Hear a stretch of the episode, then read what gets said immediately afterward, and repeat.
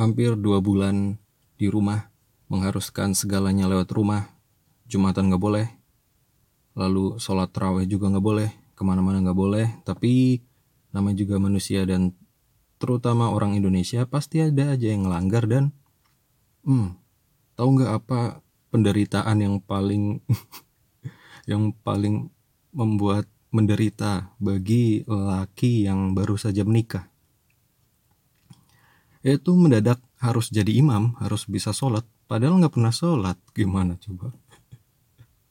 Ketika misalnya masih tinggal serumah sama mertua atau hmm, sudah ngekos atau ngontrak bareng sama istri eh, dan istri tahunya kita kan eh, sholatnya itu bagus ya, ibadahnya bagus, tapi ternyata, duh gimana ini?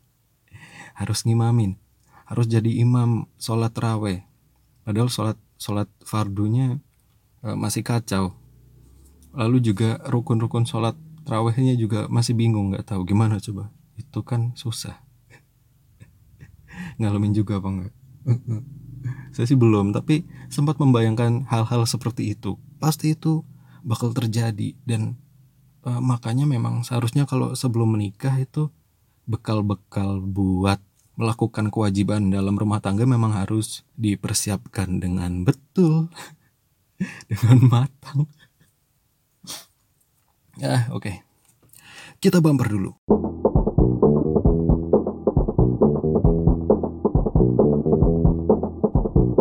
Alfa Bicara Podcast, halo kamu semua, berjumpa lagi dengan saya di hari ini. Semoga kabar kamu baik-baik saja dan sehat selama masa pandemi dan uh, work from home uh, jujur saja saya sudah merasa kebosanan dan hampir gila. Hampir gila. Moodnya itu naik turun. Kadang bosen uh, emosian. Ya walaupun memang sebagian besar sebelum masa pandemi juga di rumah tapi uh, setelah ini um, susahnya adalah uh, ribet kalau mau main. Walaupun pada kenyataannya menurut beberapa laporan dari teman-teman saya di jalanan atau di pasar di tempat Eh, toko-toko pakaian dan tempat perbelanjaan itu masih ramai juga, masih banyak orang. Dan kebetulan karena di Purwokerto ini eh, beberapa ada di zona merah, tapi hmm, kayaknya masih bisa, biasa aja deh. Eh, tidak terlalu yang yang gimana banget gitu kayak di ibu kota. Dan kemarin juga ya sebentar ini tanggal berapa sih? Tanggal 11 ya.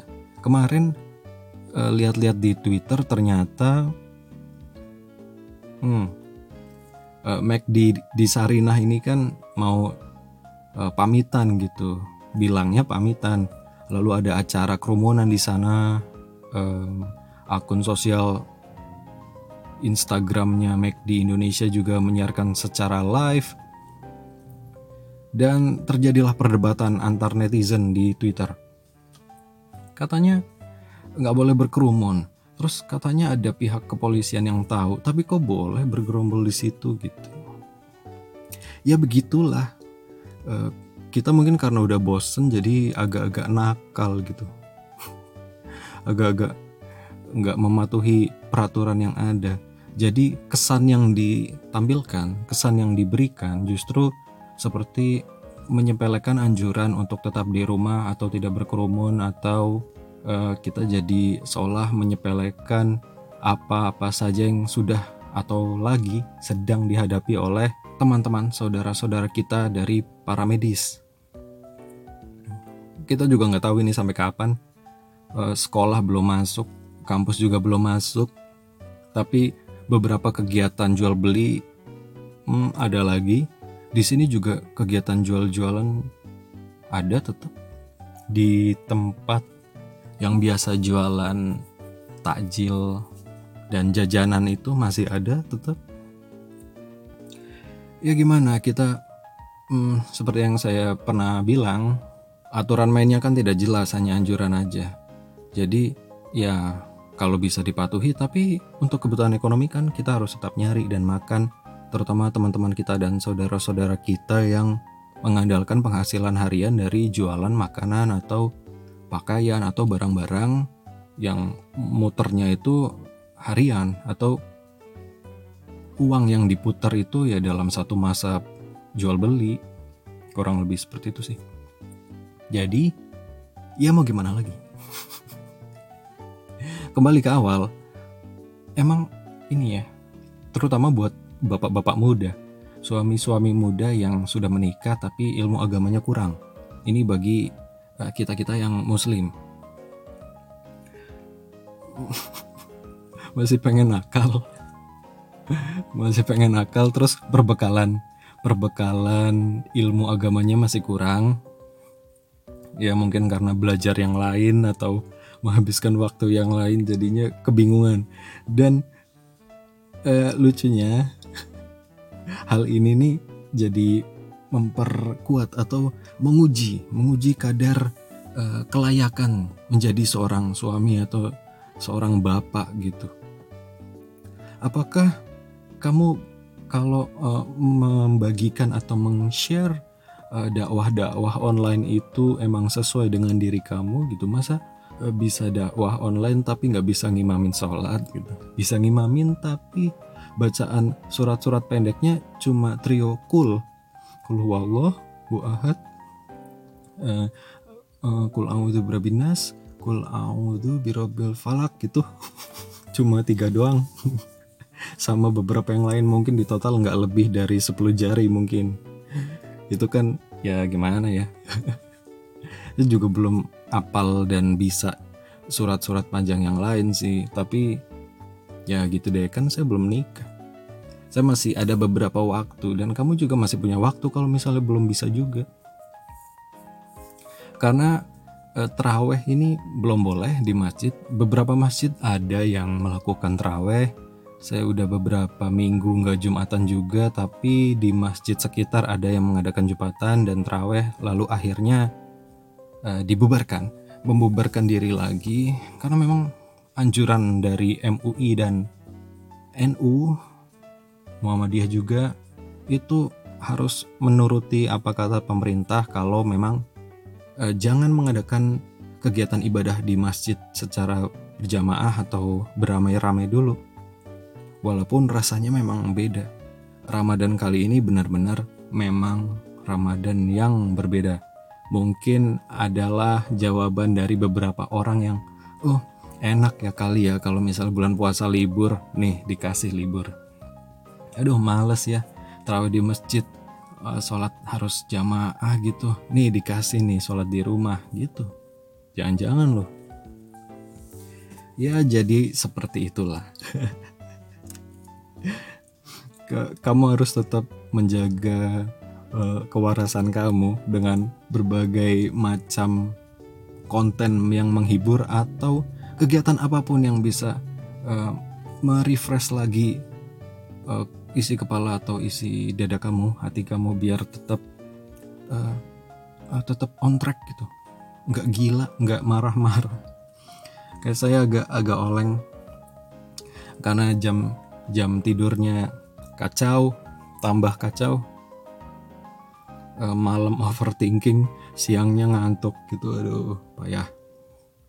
Um, ya itu ini berhubungan dengan apa yang akan saya berikan pada kamu semua. Uh, saya tahu kamu tidak semuanya suka membaca dan suka membaca kalau um, ya memang yang kamu suka dan yang pengen kamu mau aja, bukan semua yang pengen kamu baca atau yang kamu lihat itu pengen kamu baca. Apa sih? Eh, jadi, saya akan membacakan beberapa artikel yang saya anggap menarik buat menemani waktu-waktu kamu. Kamu bisa dengarkan ini ketika lagi pagi bangun tidur atau hmm, ngabuburit, ngabuburait. Oh iya, beberapa kegiatan yang tahun-tahun kemarin di bulan Ramadan ada itu sekarang nggak ada. Contohnya, bukan nggak ada sih, harus harusnya nggak ada karena nggak boleh rame-rame. Contohnya ngabuburit atau ngabuburait, ngabuburit eh, di jalan sama geng geng motor atau sama komunitas macam-macam lalu ada sahur on the road yang membagikan itulah tapi harusnya tetap ada deh karena kan beberapa saudara-saudara kita juga ada yang masih uh, tidak di rumah. Karena tidak memiliki rumah jadi mereka juga wajib dibantu. Karena pasti kemungkinan besar penghasilan mereka juga berkurang. Atau ya jadi susah juga karena ada masalah ini.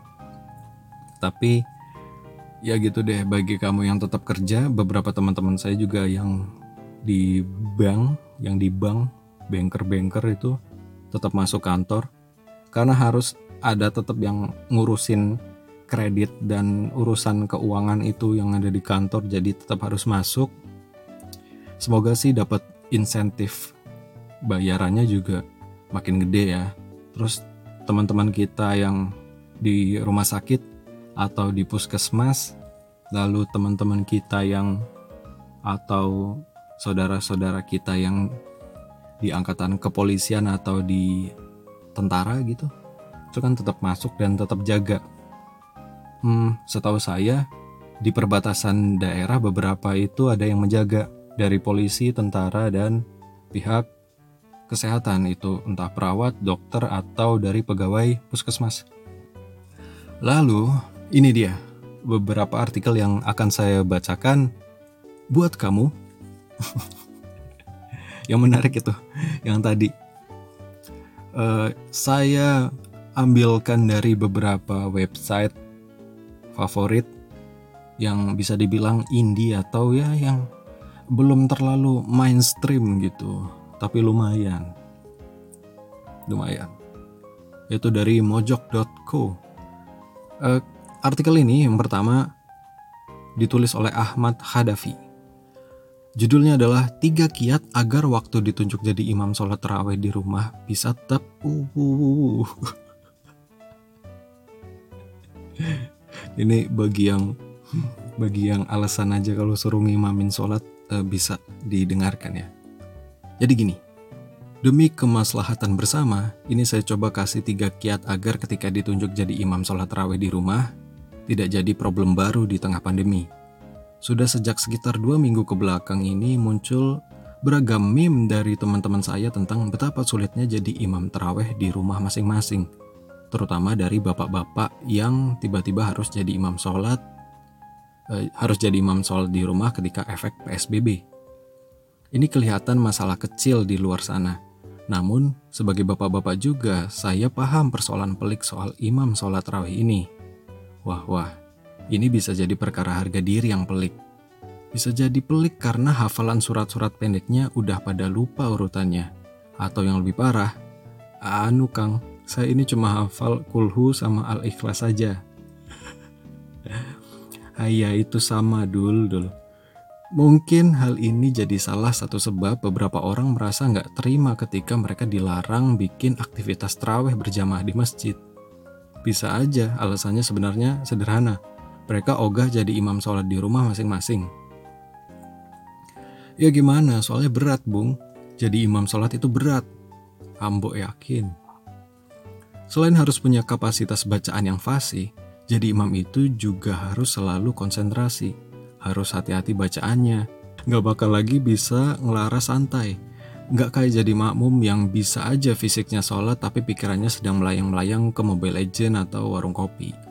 Masalahnya, kalau jadi imam kan nggak mungkin bisa gitu. Jadi harus sholat beneran. Segala konsentrasinya terpusat sama sholat. Pikiran nggak bisa belayang ke mana-mana. Soalnya, lagi jadi kepala gerbong. Salah gerakan atau bacaan kan malunya bakal berlipat-lipat. Nah itu emang. Nah untuk itu, Demi kemaslahatan bersama, ini saya coba kasih tiga kiat agar ketika ditunjuk jadi imam sholat raweh di rumah tidak jadi problem di tengah pandemi. Ya seperti kredo yang selalu didengungkan Gus Baha. Kira-kira gini, ibadah itu jangan jadi problem. Bahkan kalau bisa, ibadah itu jadi solusi masalah sehari-hari. Yuk kita mulai. Kiat pertama, baca kulhu terus aja nggak apa-apa kok mau sholat terawih 8 kek, mau 20 kek, kulhu aja terus. Masalahnya apa emang? Sini ya, bapak-bapak. Salah satu masalah yang paling berat soal sholat terawih di tengah pandemi ini adalah gengsi. Gengsi kalau jadi imam sholat terawih dari rokaat pertama sampai rokaat terakhir, kulhu terus. Ntar orang bisa mikir, ini tahlilan apa piye kok kulhu. Kita tahlilan apa piye kok kulhu ya kayak mau. Nah, pikiran nggak mau baca kulhu itu jelas urusan gengsi. Lagian jumlah rokaat sholat tarawih itu sendiri udah sejak lama udah jadi sholat udah jadi urusan soal ini. Tarawih yang 8 apa yang 20 Kang? Nah ya saya yang 20 dong. Dijawab sambil dada membusung, mata kedip-kedip, dan gestur yang seolah bilang, sangar kan aku, aku sangar kan, aku sangar kan, gimana, sangar kan aku?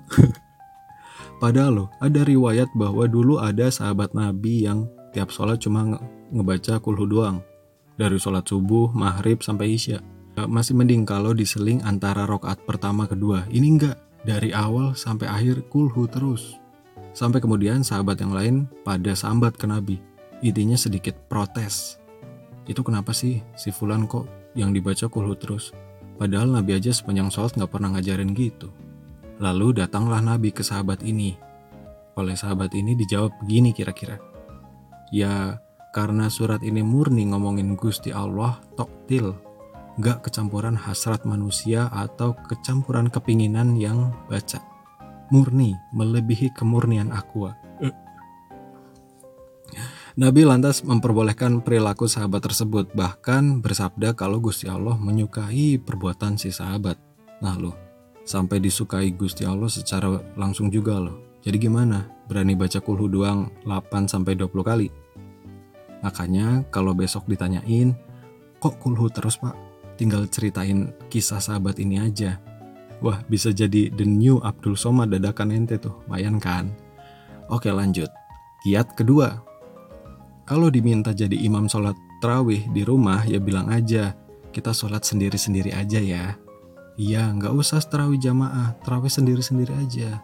Loh, loh, bukannya terawih harus jamaah ya? Ente ngajarin bid'ah ya? Hmm, gini, sebenarnya justru yang bid'ah itu sholat terawih berjamaah.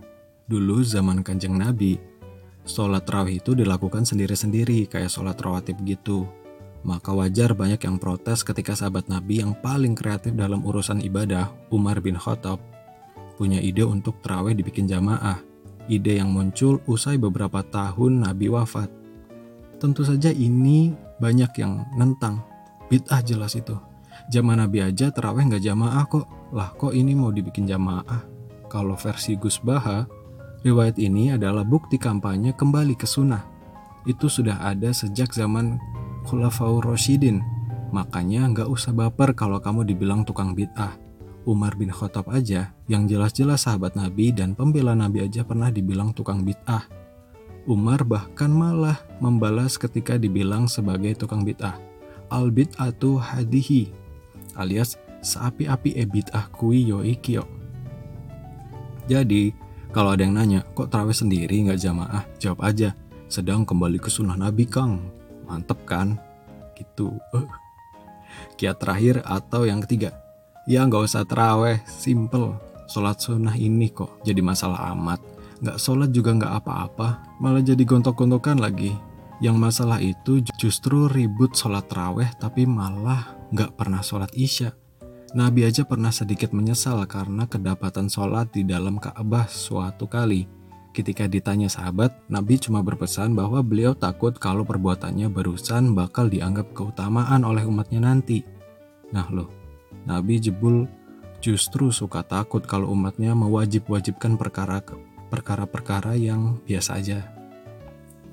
Lagian, memangnya karena mentang-mentang jumlah rokaat sholat rawih banyak, terus jadi lebih utama gitu. Karena kelihatan begitu berat dijalaninya. Ah, nggak juga. Sholat subuh loh, cuma dua rakaat. Tapi nyatanya jauh lebih sulit ketimbang sholat zuhur, asar, sama isya yang jumlah rakaatnya dua kali lipat. Kalau nggak jadi sholat subuh, kalau nggak jadi kalau nggak jadi sholat dubuh di waktu duha tapi sholat subuh atau malah jadi sholat qobliyah zuhur tapi yang ada kunutnya sekalian. Selesai. Eh, jadi gitu, itu ada tiga kiat yang ditulis oleh Ahmad Hadafi. Tiga kiat agar waktu ditunjuk jadi imam sholat tarawih di rumah bisa tetap ubu. Jadi gimana? Kamu bisa melakoninya nggak? Saya juga ini merefresh pengetahuan lagi kalau ternyata memang aslinya sendiri-sendiri ya sholat terawih itu dulunya. Ya gitu kamu bisa menemukan artikel-artikel yang lucu dan bagus mengenai hal-hal terkini juga di mojok.co.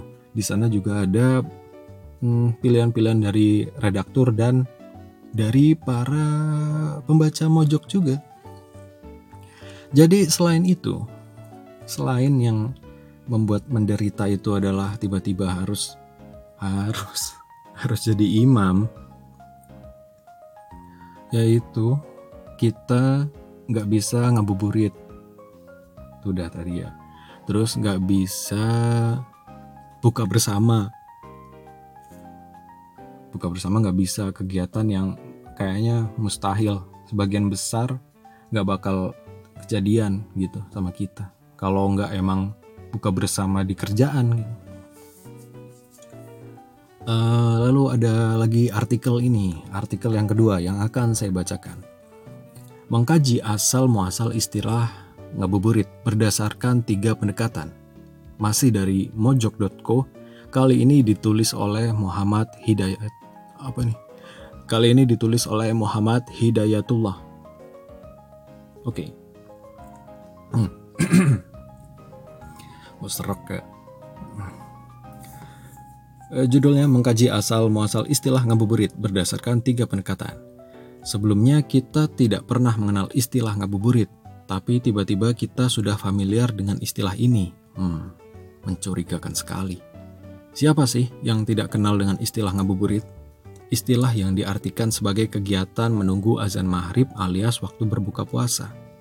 Ngabuburit biasanya dilakukan dengan jalan-jalan, nongkrong, berburu takjil yang gratis biasanya juga eh, biasanya tempat umum akan berevolusi menjadi pusat wisata yang ramai dibanjiri pelancong.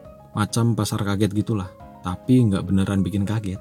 Ya, banyak kemudian ahli kolak, bakar cendol, dan filsuf es buah. banyak kemudian ahli kolak, bakar cendol, dan filsuf filsuf es buah berkamuflase menjadi pebisnis dadakan ratusan ribu bahkan jutaan rupiah kalau nyampe. Berhasil diraup dari kantong pelanggan yang sedang menikmati indahnya panorama senja sebelum azan tiba. Di saat kaum borjuis memborong segala bentuk aneka takjil yang dijajakan, lantas apa yang bisa diperbuat oleh kaum proletar macam saya ini? Santuy bung, bukan dunia namanya kalau tidak mampu membahagiakan penghuninya sosok pahlawan akan bermunculan membagikan takjil gratis di pinggiran jalan. Tinggal insting pemburu takjil kita aja yang harus diupgrade guna menemukan lokasinya. Kadang ngabuburit juga dilakukan oleh orang yang serba berkecuk oleh orang yang serba berkecukupan dalam hal bahan bakar minyak. Kegiatan positif yang dilakukan tak lain dengan berputar-putar di area keramaian tanpa adanya latar belakang dan landasan teori yang jelas. Ini antara gabut atau bagaimana ya? Saya kurang tahu ya. Intinya sudah berpartisipasi aktif memacetkan jalanan. Buka puasa itu adalah suatu keniscayaan, tapi kenapa masih pada ngabuburit?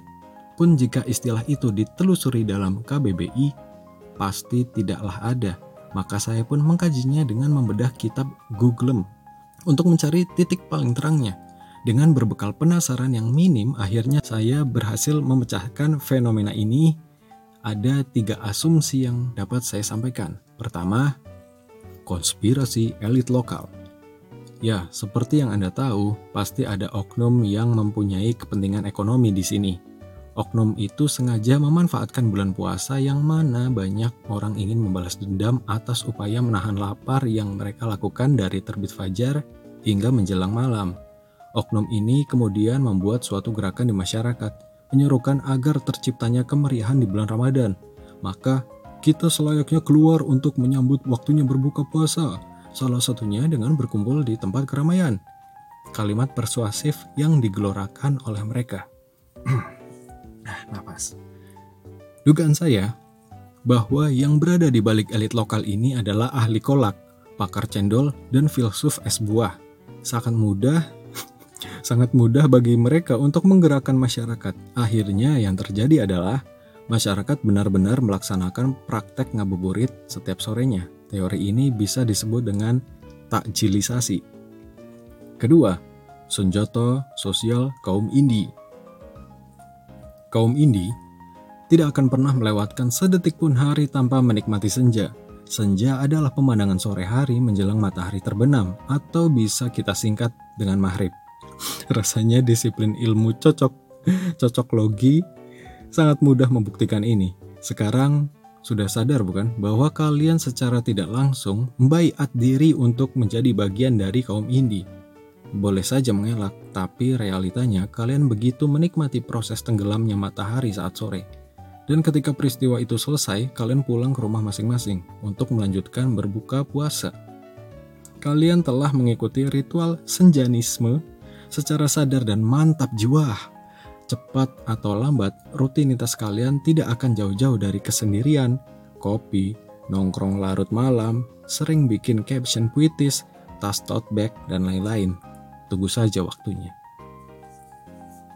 Keuntungannya apa bagi mereka? Bisa dibilang mendamaikan Indonesia. Dengan menjadi anak indie, remaja enggan lagi untuk tawuran. Mereka lebih memilih nongkrong depan gang menikmati arus kendaraan Kemudian mengomentari lewat tulisan, tak perlu lagi memakai narkoba untuk memajakan diri, karena kopi dan senja sudah cukup bikin ngefly. Tak karuan.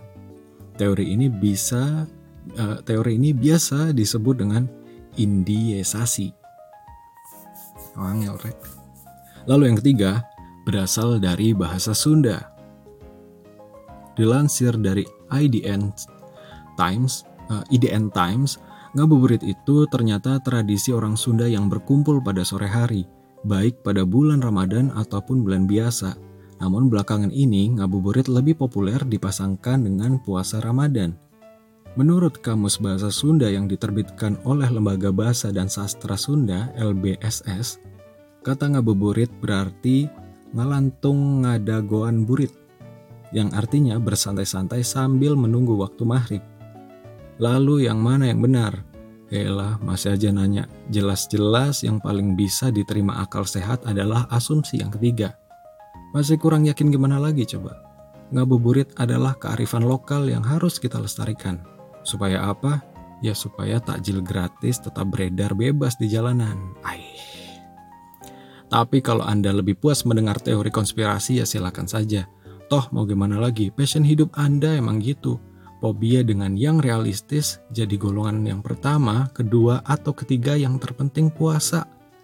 Karena esensi bulan Ramadan adalah berpuasa. Jangan pagi tidur, siang mokel, sore ngabuburit, malamnya ke masjid untuk nuker sendal. Dah. uh, lucu ya, esem. Ya gitu. Uh, menurutmu ngabuburit itu dari mana? Saya juga nggak tahu sih. Ikut-ikutan aja. Dan di bahasa Jawa kayaknya nggak ada. Di bahasa Indonesia juga nggak ada. Ya ikut-ikutan aja. Ngabuburit. Dan esensinya jadi nggak ini. Nggak biasanya malah berlawanan dengan ibadah puasa itu sendiri. Biasanya kalau saya dulu waktu puasa kemarin-kemarin ngabuburit itu jalan-jalan akhirnya lihat-lihat yang cakep-cakep lihat-lihat makanan ngobrol nggak jelas lalu lupa sholat asar. Uh, pas buka juga lupa sholat maghrib lalu ya itu fokus ke main-main uh, belanja-belanja makanan dan ngobrol-ngobrol doang gitu sama teman hmm, jadi lupa esensi. Tapi nggak semuanya gitu sih ada juga yang tetap uh, dalam tracknya. Jadi sholat ya sholat uh, makan ya makan, terawih ya terawih. Dulu saya juga pernah ngabuburit dan buka bersama juga terawih juga. Tapi lebih banyak yang nggak terawih gitu. Sholat jamaah atau sholat fardunya masih. Tapi terawihnya nggak. Hmm. Ngomong-ngomong soal ngabuburit dan erat dengan kaitannya dengan buka bersama. Karena nggak mungkin kan biasanya kalau kita ngabuburit lalu uh, ngabuburit kan batasnya itu azan maghrib atau berbuka Gak mungkin kan pas lagi azan berbuka eh azan berbuka azan maghrib itu terus berbuka pada bubar kan. Akhirnya kan tetap juga e, ngabuburit plus buka bersama. E, ada yang kangen buka bersama? Saya enggak loh. Makin ke sini makin nggak kangen gitu buka bersama apa. Reunian temen SMP, SMA, SD, uh, teman kerja gitu. Ya beberapa uh, beberapa memang ngangenin gitu, tapi nggak spesifik harus pas momen puasa atau buka bersama gitu. Di luar momen itu juga nggak masalah bagi saya. Uh, nggak melulu harus buka bersama, karena kadang-kadang hmm, nggak semuanya kita akrab uh, teman ya, nggak semuanya akrab kenal dan dekat gitu, nggak semuanya nyambung ya jadi kadang agak sedikit menyesal dan itu lagi kadang-kadang uh, buka bersama malah bikin kita nggak teraweh jamaah nggak sholat wajib. Lalu lebih mengarah ke bukan hal yang ibadah gitu. Makanya beberapa teman saya dulu yang uh, dalam tanda kutip udah hijrah atau mendalami ilmu agama uh, agak setengah hati atau nolak-nolak gitu kalau mau diajak buka bersama. Mungkin alasannya itu sih. Tapi kalau saya sih ya yang penting kalau waktu ada moodnya bagus dan hmm, teman-temannya juga worth it ya buat diperjuangkan gitu menyisihkan waktu. Ya oke okay lah demi pertemanan demi bersilaturahmi lagi. Tapi seharusnya sih eh, nggak mengorbankan hal-hal wajib yang sebenarnya itu esensi dari bulan Ramadan itu. Eh, kali ini ada artikel ketiga. Artikel ketiga yang masih dari mojok.co. Empat alasan saya nggak kangen bukber sama sekali. Hmm, sama dong sama saya. E, kali ini ditulis oleh Firdaus Al-Faki. Dari tadi namanya islami semua ya, bagus-bagus ya. Oke, ketika mengadakan acara bukber, biasanya sangat mudah kita mendengar ocehan tentang kegemilangan nasib masing-masing lah, kalau nggak ada pencapaian, gimana? Kalau kemarin ada tulisan yang mengemukakan empat alasan kangen bukber, kali ini saya mau mengutarakan yang sebaliknya. Alasan-alasan ini hanya berdasarkan pengalaman pribadi. Maka dari itu, di judulnya pakai saya, bukan kita. Ini diberlakukan agar tidak menjadi pendapat yang mencatut nama umum, melainkan sebatas pendapat yang mengandung subjektivitas saja. Jadi kalau salah, tidak ada alasan halayak ramai memberi respon negatif. Kalaupun benar itu hanya kebetulan dan artinya kita senasib seperjuangan. Yuk, cus langsung saja nggak bertele-tele. Pertama, belum punya pencapaian. Munculnya alasan pertama ini karena sebatas pengalaman saya ketika mengadakan acara bukber. Biasanya sangat mudah kita mendengar ocehan tentang kegemilangan nasib masing-masing sudah ada yang berpenghasilan, pakai seragam, punya lima pasangan, dan bla bla bla bla. Wacana yang bertema peningkatan harga diri dan martabat pribadi. Nah, agar telinga kita tidak terlalu panas, ya kita ademkan dengan hawa dingin keberhasilan dan pencapaian kita sendiri. Tapi, saya tidak punya pencapaian dan keberhasilan apa pun selama ini. Pacar belum ada, skripsi belum kelar, tulisan belum banyak, belum jadi juragan ayam, belum jadi petani sukses, dan lain-lain. Jadi saya tidak ada bahan obrolan untuk menenangkan diri dengan membalas obrolan pencapaian kawan-kawan. Maka dari itu, saya nggak kangen dan belum mau untuk bukber dan kumpul-kumpul dulu. Kalau udah ada pencapaian, ya pasti ayo, luncur. Kedua, tiketnya kemahalan. Alasan ini berlaku saat bukbernya dilaksanakan dalam skala besar, misalnya bukber seangkatan kan banyak yang hadir. Biasanya tempat yang dipilih harus luas dan yang kira-kira cukup untuk semua. Dan kebiasaan yang pernah saya amati, tempat yang dipilih itu harus fotogenik, instagramable, dan pamerable. Yang jelas untuk booking tempat begituan biayanya yang harus dikeluarkan biasanya tidak sedikit. Dan ini jelas berpengaruh pada besar kocek yang dikeluarkan bagi yang ingin hadir. Yang jelas, harga makanan di situ juga tinggi, Suatu kafe, tempat makan, ataupun yang sejenisnya jika punya konsep baik, biasanya memang mematok tarif tinggi untuk harga makanan dan minumannya. Kemarin, sebenarnya ada yang berinisiasi tapi karena kondisi saat ini akhirnya nggak jadi. Kalau nggak salah biaya itu sekitar Rp40.000 per orang. Nah, bagi saya itu kemahalan. Hmm. Karena selain karena belum memiliki pendapatan yang stabil, biaya sebesar itu sebanding dengan biaya makan sekeluarga – Daripada diboros-borosin, lebih baik saya gunakan untuk hal penting. Yang lain, misalnya beli rokok, jajan ringan seribuan, dan yang berbiaya minim lainnya. Daripada duit saya habis, mending saya pilih aja untuk nggak kangen bukber. Lalu yang ketiga, acaranya gitu-gitu doang. Ini sebenarnya yang perlu diperhatikan. Kalau dilihat-lihat, acara yang diselenggarakan paling hanya badok, makan, cerita-cerita bentar, terus foto-foto, begitu seterusnya.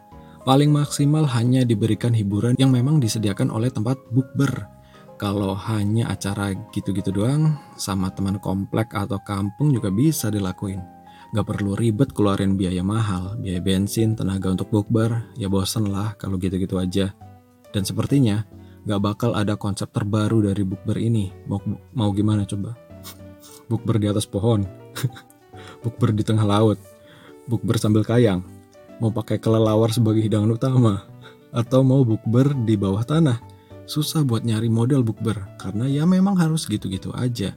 Kalau sama kalau sama-sama gitu-gitu aja, mending saya buka puasa di rumah bersama keluarga yang gitu-gitu aja juga, sama kan? yang keempat, malas aja mau datang bukber. Kadang-kadang memang saya kan tiba-tiba lagi mood untuk nggak ngapa-ngapain, mager dan kepengen di rumah aja. Untuk buka puasa ya sama keluarga aja lah, Makanan tinggal ngambil, jajan tinggal comot, dan bisa membalaskan dendam karena seharian penuh berlapar-lapar dan berhaus-haus. Nah, kalau bukber harus masih ngelu uh, masih harus ngeluarin motor, pakai helm, pakai baju rapi, harus macak atau dandan karena siapa tahu ada yang kepincut. Pakai parfum, nyetir lewat jalan raya macet, banyak polusi, harus berlaga easy going biar disukai sama teman lama pura-pura senyum padahal mangkal, harus makan berdempetan dan nunggu makanannya kadang juga lama, kadang harus ngelakuin itu semua. Kayak males aja gitu. Jadinya ya kalau males saya jadi nggak kangen bukber. Paling mentok kangennya sama ciwi-ciwi yang dulu pernah saya deketin tapi gagal. Hampir pacaran tapi tiba-tiba digagalin.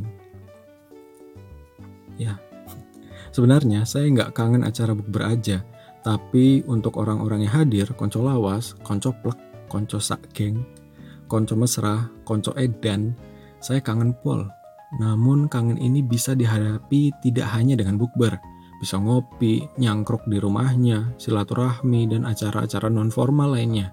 Untuk melepas kangen setelah sekian lama tidak bersua entah karena sibuk kuliah, kerja, atau mengurusi rumah tangga. Ya gitu.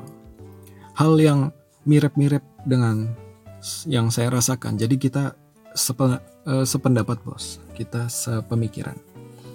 Kadang memang bukber ya acaranya gitu-gitu aja nggak ada inovasi baru ya betul itu. Nggak ada inovasi baru bukber di mana gitu. Paling nunggu makanan ngobrol foto pamer pencapaian ya dan suah foto. Lupa sholat raweh. Uh, bikin dosa ngomongin orang. Ya paling kan gitu-gitu aja kan. Jadinya ya ya terserah kembali lagi ke kamu mau bukber apa enggak tapi yang jelas poinnya adalah uh, bukber adalah salah satu atau buka bersama adalah salah satu momen di bulan Ramadan hanya ada di bulan Ramadan. Tapi kalau kamu mau bikin bukber puasa sunnah hari Senin juga nggak apa-apa. Nanti kamu uh, besok eh sebelumnya janjian dulu sama teman-temanmu. Eh puasa sunnah dulu yuk ntar bukber gitu. Ya nggak apa-apa. Tapi kebanyakan atau mayoritas adalah dilakukan di bulan Ramadan. Itu adalah salah satu momen untuk menjalin kembali silaturahmi itu tujuannya yang udah lama nggak ketemu yang lost contact yang apa ya ya pokoknya udah lama tapi dulu pernah bareng gitu temen sesekolahan, satu kerjaan yang kalau nggak ada momen dibarengin uh, dalam momen suasana yang besar gitu, itu nggak bakal ketemu. Ya salah satunya lewat bukber.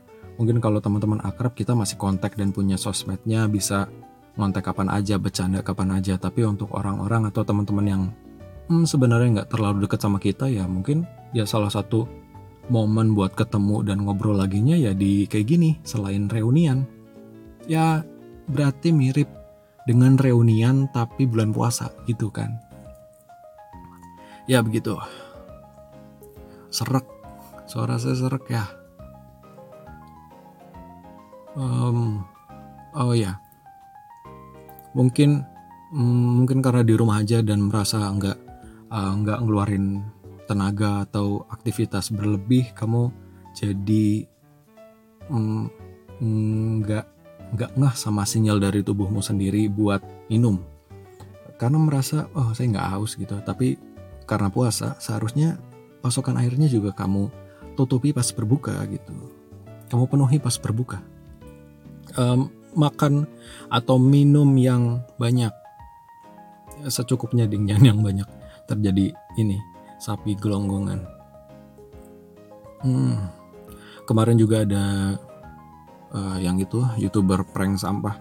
Uh, jujur jujur ya jujur. Saya berpendapat kalau memang prank itu uh, ada uh, seorang content creator yang bilang gini pernah. Sebenarnya kalau konten prank atau ngerjain di luar negeri itu atau yang di televisi itu sebenarnya adalah settingan. Jadi pada dasarnya sudah disetting. Sedemikian rupa dengan orang yang ini dengan konsep seperti ini jadi nggak uh, ada masalah nggak ada buntut masalahnya. Tapi ketika para konten creator terlebih di YouTube bukan di televisi itu menerapkan hal serupa lalu ditonton oleh banyak orang itu dianggapnya adalah mm, beneran padahal belum tentu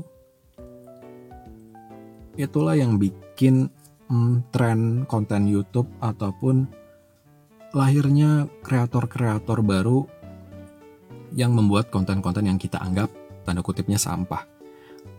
Ya karena ada yang nonton, karena ada yang minta, dan karena pernah lihat yang serupa.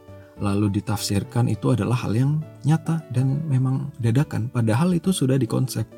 Seorang kreator pernah bilang seperti itu. Lalu bagaimana dengan nasib YouTuber ini?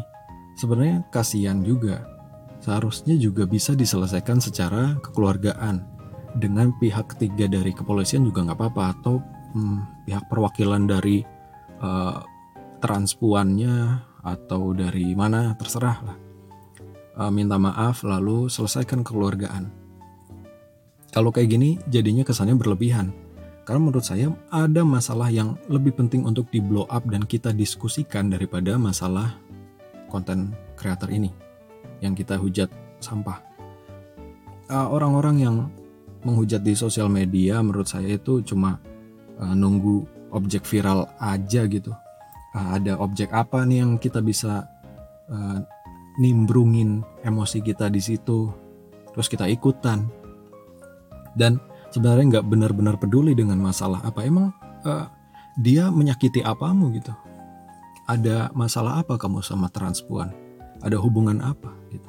Ya memang salah, ya sudah nggak akan jadi benar kalau orang yang memang kita anggap salah itu kita hajar, kita hancurin habis-habisan. Bisa jadi dia malah down. Kamu nggak sadar, kamu kan juga kadang di netizen di Twitter atau di sosmed itu kan kadang bilang hmm, bilang-bilang soal kesehatan mental atau uh, pola asuh pendidikan hmm, anak-anak hmm, dan sebagainya macamnya itu. Kamu nggak sadar apa ketika kamu mengajak orang lain untuk merundung, lalu kamu merundung seseorang terlebih ini, ya mungkin kita bisa bilang orang ini kurang ajar gitu atau iseng jahil atau kurang pengetahuan lah terserah. Tapi bukan berarti kita bebas untuk menghakimi dia sampai memaki-maki dia sampai uh, lalu ada kemarin video yang dia udah digundulin lalu di dibully abis-abisan itu. Ini kasihan men.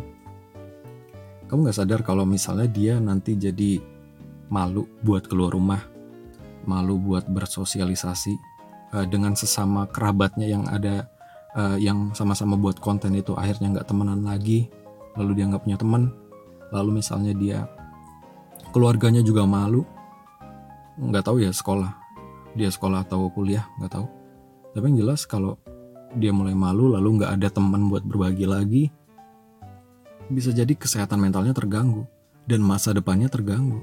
Kalau misalnya channelnya itu udah di ban, dia mau gimana gitu. Ya jangan seolah-olah karena dia punya kesatu kesalahan jadi seluruh hidupnya itu salah. Bisa jadi ada yang benar. Sama kayak kita. Cuma kita belum kena sialnya aja. Dan mungkin karena kita bukan public figure gitu. Ah ya. Harusnya sih aparat tuh sebagai penengah ya bukan jadi pengompor ya jadi kompor buat manas-manasin halayak ramai uh, ini ada artikelnya tapi saya jadi nggak mau baca. Saya nggak mau baca. Udah itu aja. Uh, kalau berdasarkan hmm, ini kita. Eh ini kita. Kalau berdasarkan pendapat saya. Lalu ada uh, satu artikel lagi. Kali ini bukan dari Mojok tapi dari Mark Delane Mark Delane bener nggak tuh? M A G D I L E N E. Judulnya adalah ibu rumah tangga pekerjaan yang selalu WFH ditulis oleh Julio Ahmadi. Dalam situasi COVID-19 ini, setiap keluarga ditantang untuk melakukan pembagian kerja yang adil untuk urusan rumah tangga. Selain petugas kesehatan, ibu rumah tangga adalah jenis pekerjaan yang beban kerja jam beban kerjanya meningkat drastis selama darurat kesehatan COVID-19. Akibat dari imbauan work from home atau WFH dari pemerintah kepada perusahaan, saya yakin ibu rumah tangga semakin sibuk di rumah. Anak dan suami yang sebelumnya bekerja dari pagi sampai sore sekarang melakukan pekerjaannya di rumah yang membuat sang ibu merasa memiliki tanggung jawab lebih untuk menyediakan kebutuhan mereka selama di rumah. Kondisi alternatif adalah seorang perempuan karir yang diminta WFH oleh kantornya dan harus merangkap pekerjaan, kantor, dan urusan rumah tangga. Kondisi ini akan jauh lebih parah di rumah yang menerapkan sistem patriarki heteronormatif. Tulisan ini merujuk kepada ibu rumah tangga yang berada dalam hubungan heteroseksual meskipun dapat juga berlaku untuk pasangan homoseksual. Tidak pula tulisan ini menafikan ayah rumah tangga atau sering dikenal dalam bahasa Inggris sebagai stay at home dad yang populasinya jauh lebih sedikit daripada ibu rumah tangga. Tulisan ini juga menyadari karakteristik perempuan yang sering kali multiperan. Ia dapat mengemban peran ibu, istri, perempuan karir, dan peran lainnya dalam waktu yang bersamaan – dari sudut pandang feminisme eksistensialis, setiap perempuan diposisikan memiliki kekuasaan penuh dalam menetapkan status dan peran di masyarakat, termasuk untuk melawan atau menerima norma-norma sosial dan tatanan nilai yang dibentuk oleh konsep patriarki. Menjadi ibu rumah tangga adalah pilihan yang tidak bermasalah jika seorang perempuan sadar secara nyata dan memiliki kebebasan untuk memilih menjalankan peran dan pekerjaan sebagai ibu ibu rumah tangga. Existence precedes essence. Menurut Jean Paul Sartre dalam buku Existential Exist, Existentialism and Humanism tahun 1946 artinya secara kasar adalah kamu adalah terlebih dahulu di dunia, baru kamu mendefinisikan dirimu. Jika memang seorang perempuan dalam perjalanan hidupnya kemudian secara sadar memutuskan untuk meninggalkan pekerjaan untuk mengurus anak atas kemauan sendiri, maka ia sudah menyadari konsekuensi yang muncul dari pilihan tersebut dan membuat keputusan yang terinformasi. Akan tetapi, menjadi seorang ibu rumah tangga bukan serta-merta menjadikan dirinya sebagai penanggung jawab tunggal atas seluruh pekerjaan rumah tangga Inilah yang sering kali terjadi di dalam keluarga heteroseksual di belahan dunia mana pun. Ketika perempuan secara sadar maupun tidak mengambil peran sebagai ibu rumah tangga, seisi rumah seakan berlaku seperti majikan yang hanya mau tahu bahwa semua pekerjaan sudah terselesaikan untuk mereka nikmati.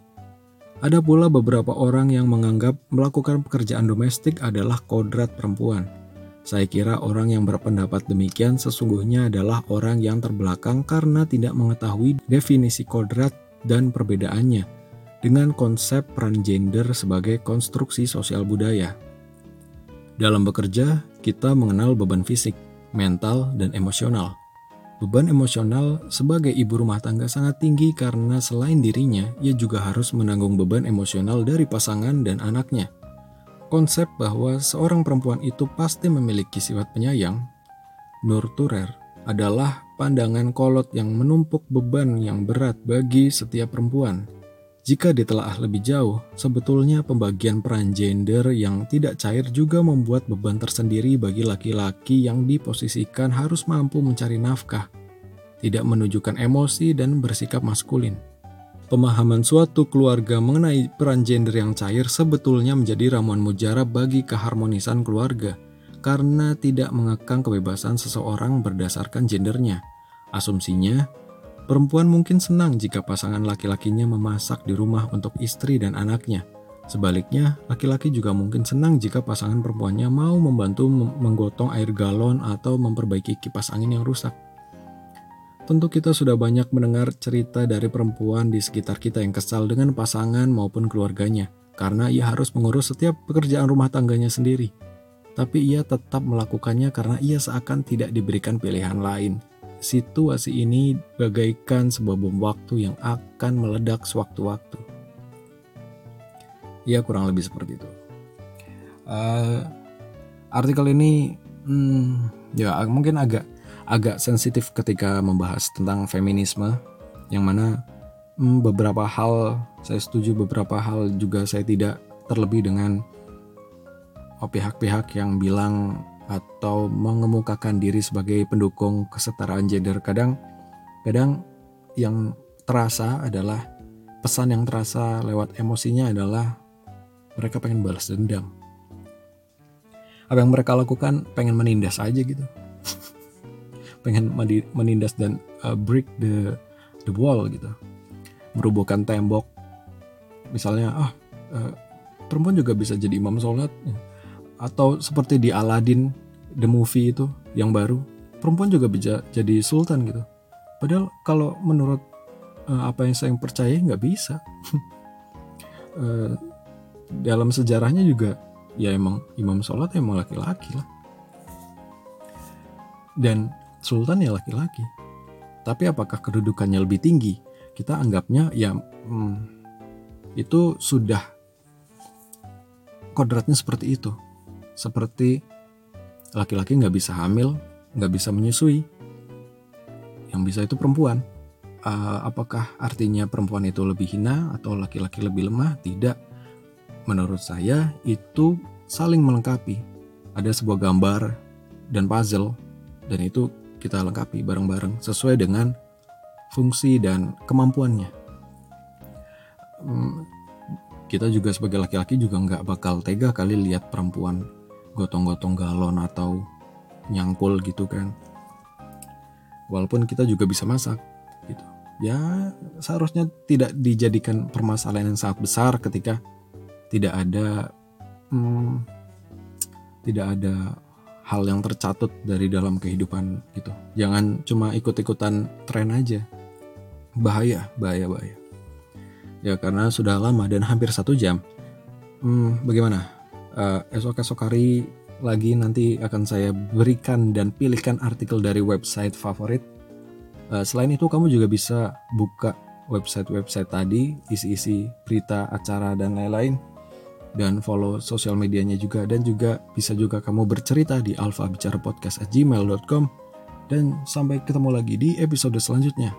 Tetap sehat dan tetap hmm, fokus beribadah dan jaga kewarasan kamu. Dadah. Apa sih endingnya gimana lupa. Oh ya, sampai berjumpa lagi di episode selanjutnya. Alfa Bicara Podcast. Signing out. Bye-bye. Bye bye.